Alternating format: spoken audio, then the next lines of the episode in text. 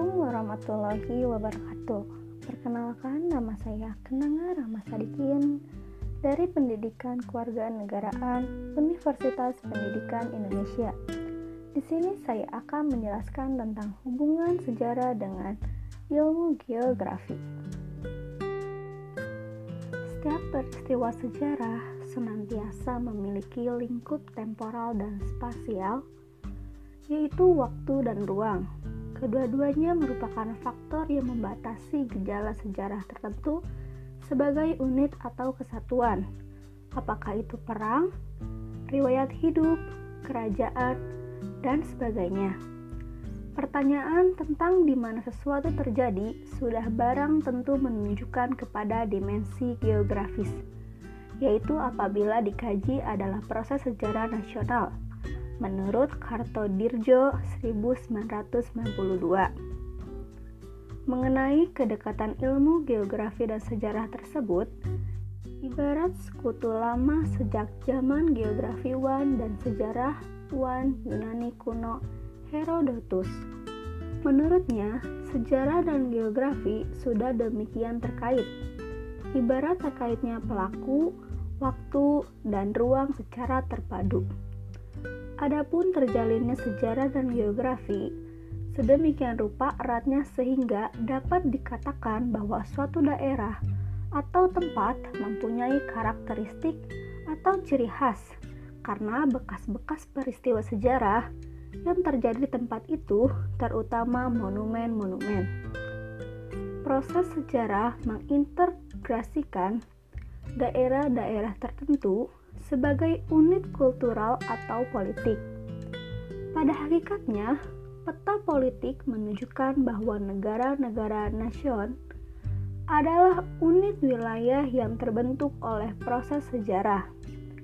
Mungkin dalam jangka pendek atau jangka panjang yang merupakan produk historis. Ilmu geografi berkaitan dengan latar geografis tempat sejarah terjadi. Dimensi ruangan ini membantu menjelaskan kejadian sejarah, terutama yang berhubungan dengan lokasi, kondisi, struktur, dan bentuk tanah. Dengan demikian, jelaslah bahwa peranan spasial dalam geografi distrukturasi berdasarkan fungsi-fungsi yang dijalankan menurut tujuan atau kepentingan manusia selaku pemakai. Kemudian, unit-unit fisik yang dibangun menjadi unsur struktural fungsional dalam sistem tertentu, ekonomi, sosial, politik, dan kultural. Sedangkan struktur dan fungsi itu bermakna dalam konteks tertentu, yaitu tidak terlepas dari jiwa zaman atau gaya hidup masanya. Dengan demikian, peranan menjadi kesaksian struktur dalam kaitannya dengan periode waktu.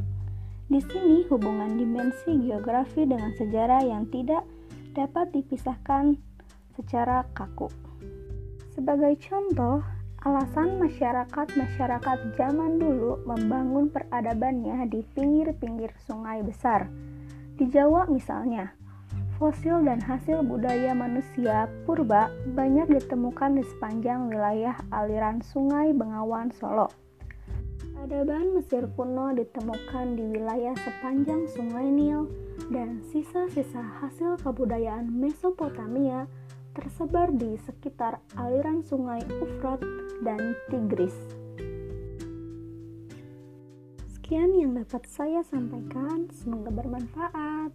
Terima kasih. Wassalamualaikum warahmatullahi wabarakatuh.